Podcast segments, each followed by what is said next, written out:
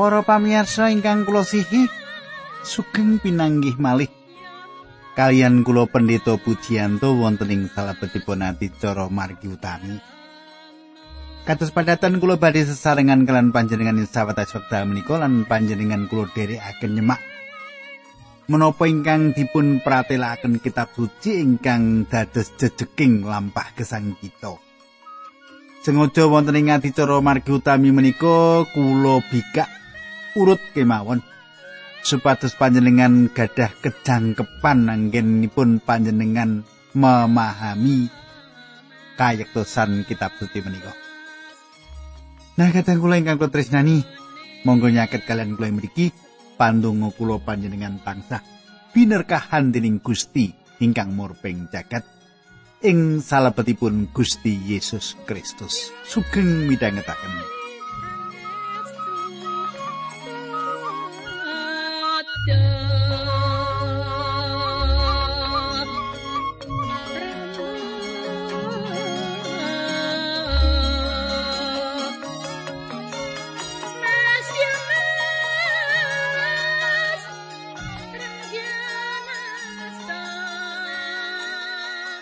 Para pamirsa menapa panjenengan tasih kemutan menapa ingkang kula andharaken untuk nalika pepanggihan kepengker.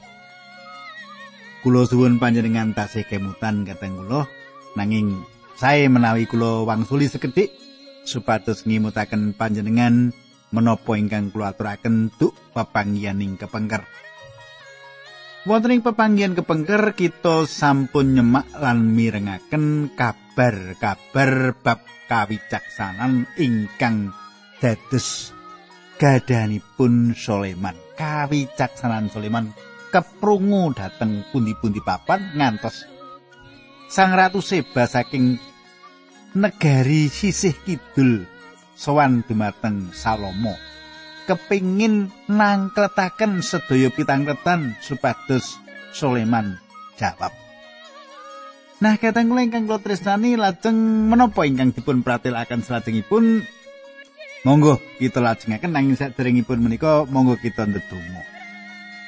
Nanging saya menawi kula ngaturaken salam rumiyin saderengipun ndedonga dumateng Ibu Parwati. Ibu Parwati Karangsari. Nah, katang kula monggo kita tumungkul kita ndedonga sesarengan. Duh Kanjeng Rama ingkang ada wonten kraton ing kasuwargan, Kawula ngaturaken gunging panuwun menawi wekdal menika kawula saged tetunggilan kalian sedherek-sedherek kawula. Kawula nyuwun Gusti berkahi menawi wonten ingkang sakit paduka sarasaken menawi wonten ingkang lungkrah paduka kiyataken. Sedaya karibetan gesang paduka udari. Dinambaran asmanipun Gusti Yesus kawula tetunggal. Amin.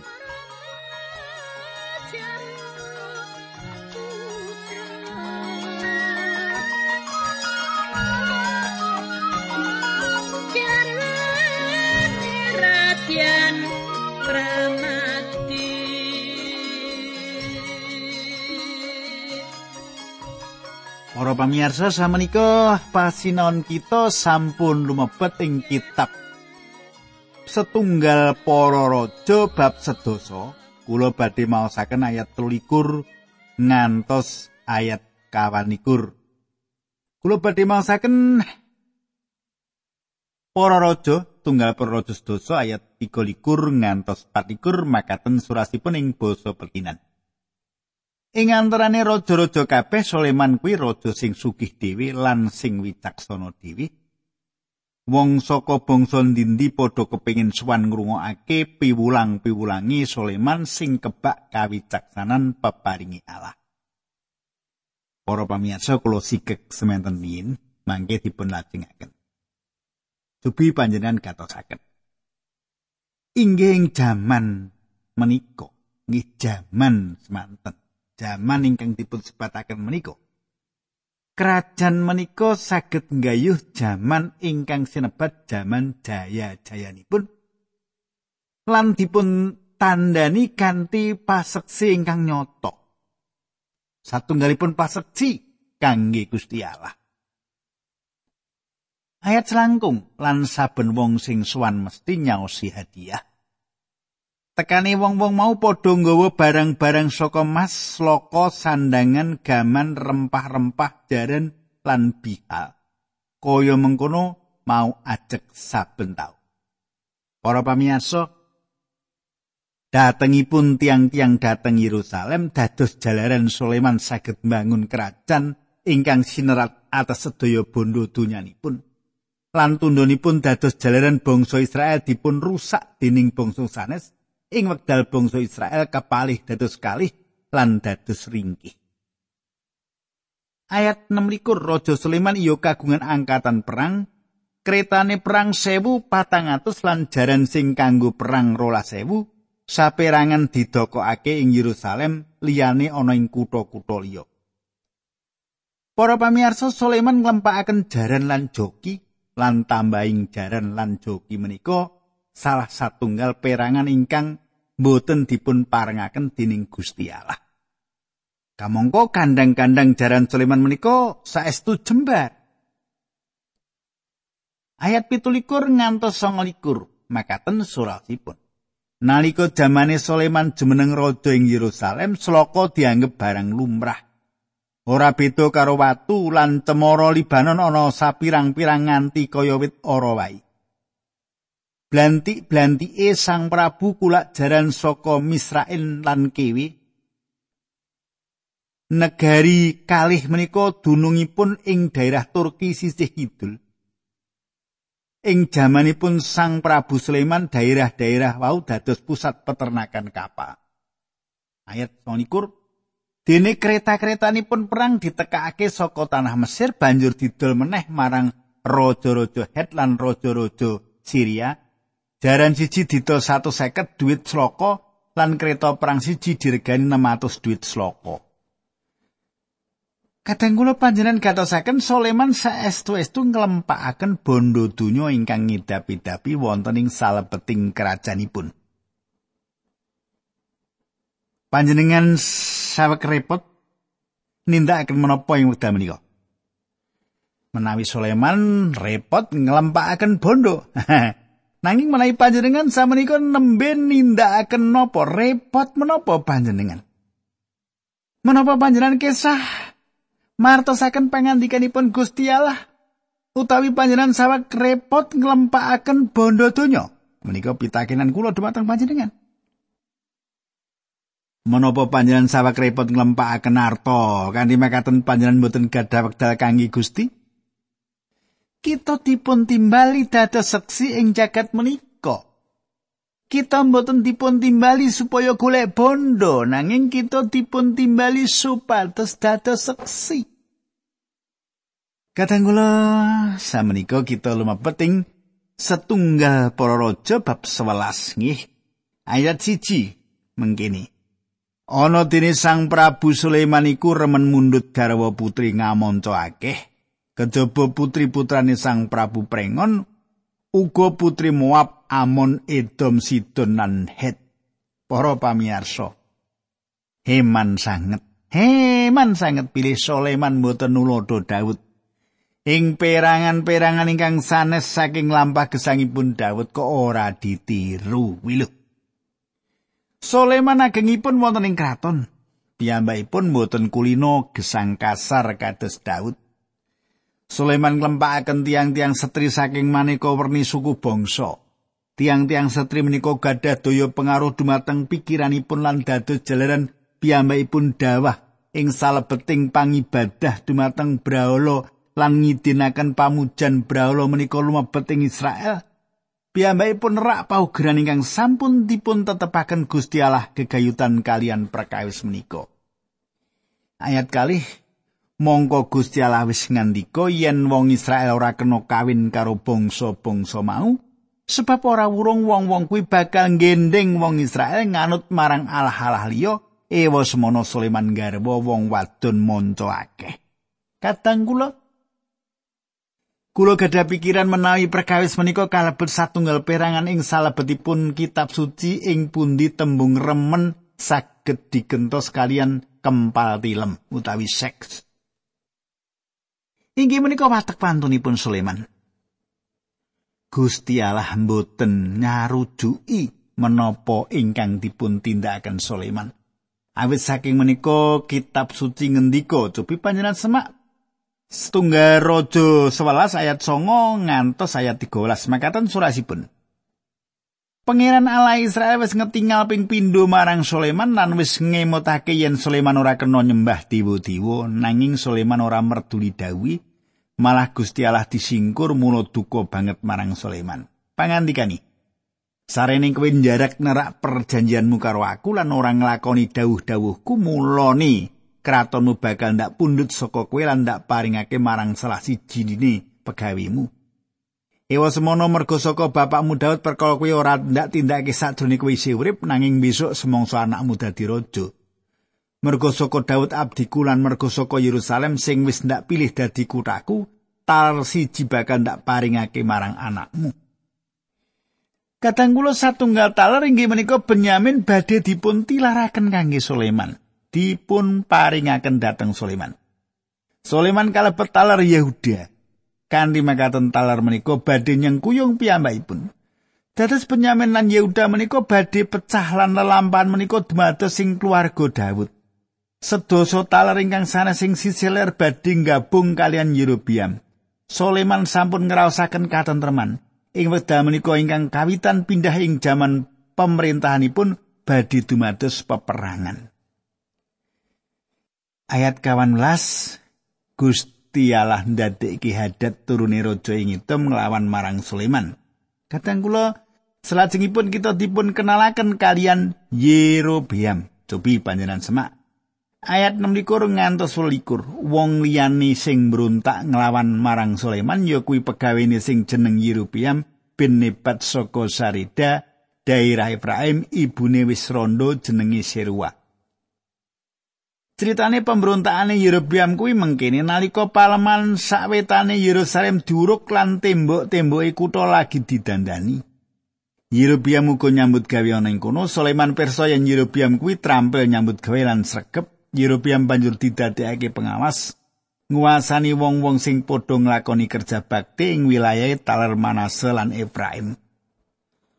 Para pamirsa sinaosa Yerobeam inggih menika lare Sulaiman mangertos bilih piyambakipun menika satunggalipun nem-neman ingkang gadah keterampilan lan gadah satunggaling bakat. Awis saking menika Sulaiman ngangkat piyambakipun nglenggahi kalenggahan ingkang inggil lan andadosaken piyambakipun pengawas kangge pendamelan ingkang asipat umum.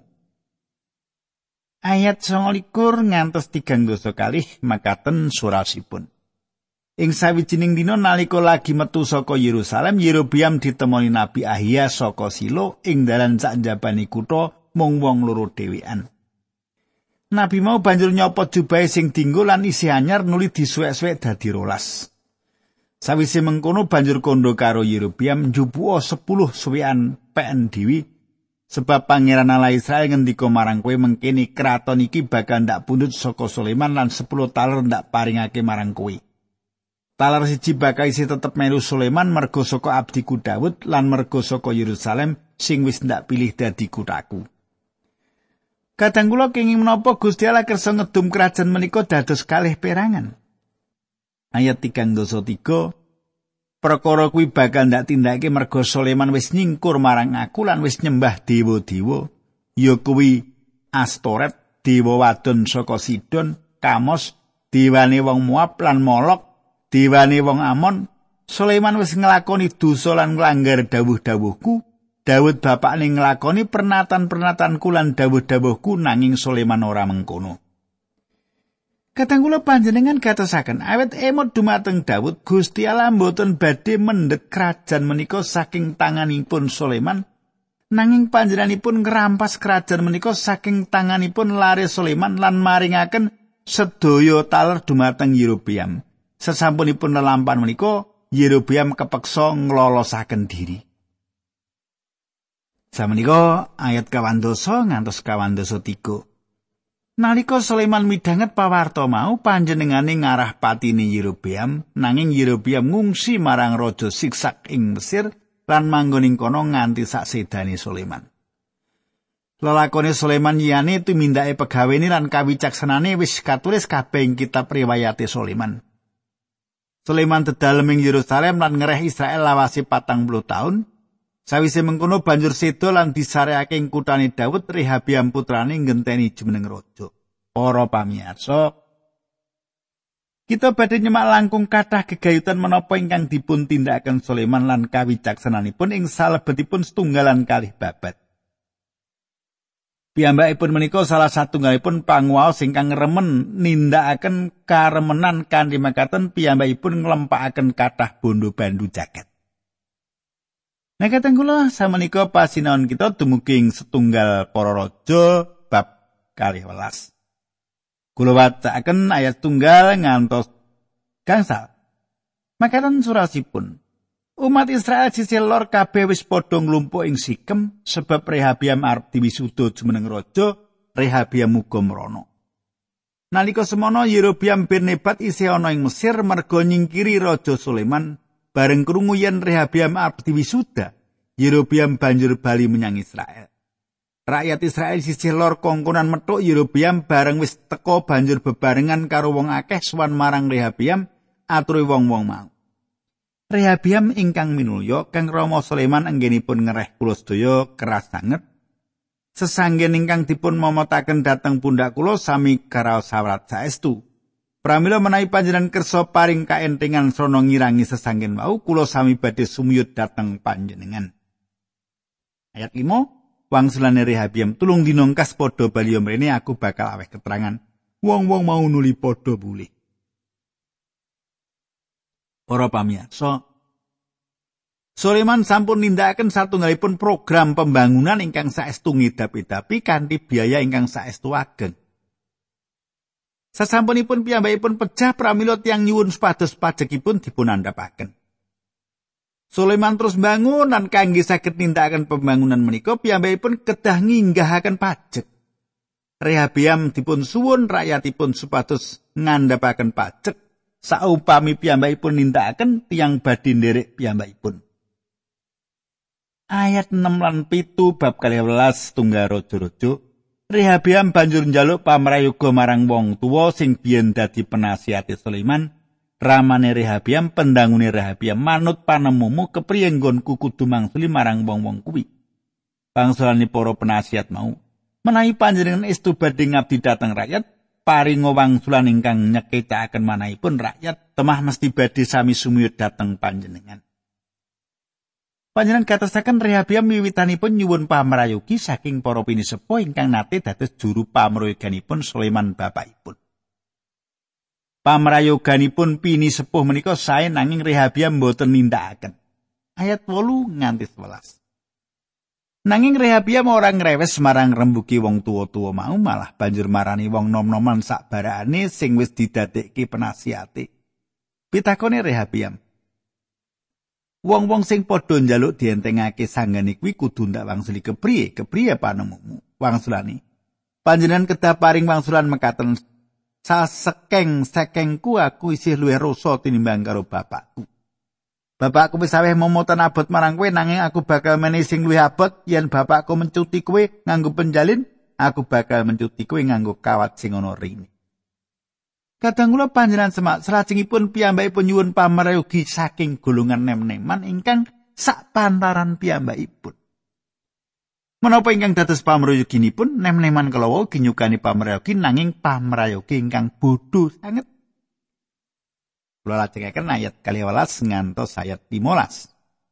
Sawise tulung dina Yerobiam lan wong-wong kabeh sing padha swan padha wis nglumpuk meneh, kaya sing didhawuhake dening sang raja, nanging raja Rehabiam ora ngrewes karo nasihate wong tuwa-tuwa, rakyat sing padha swan mau di ngandikani kelawan kasar. Kaya nasihate para nom-noman marang sang raja, sesanggani bapakku marang kowe kuwi wis abot nanging momotan sing arep ndak penehake bakal luwih abot meneh.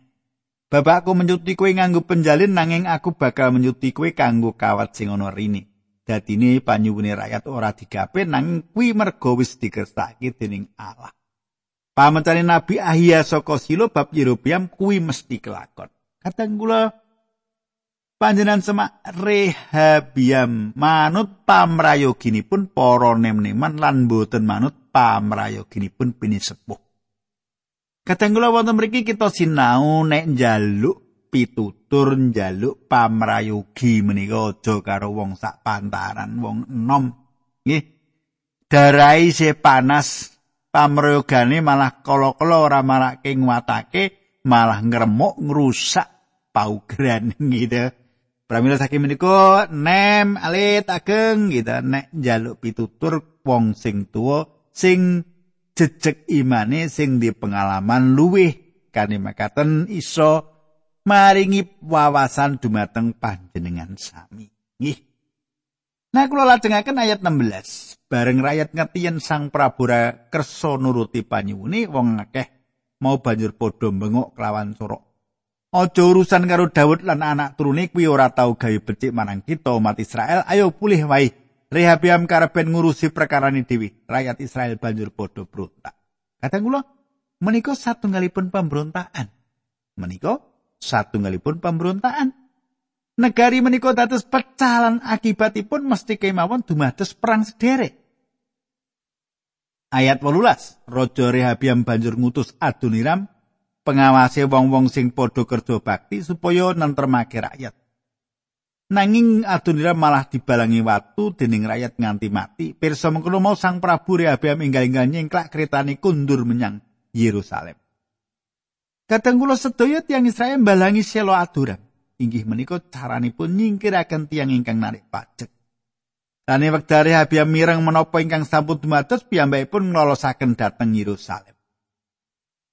ayat 19. Wiwit nalika semono rakyat Israel sisih lor tansah meruntak marang anak turune Raja Daud.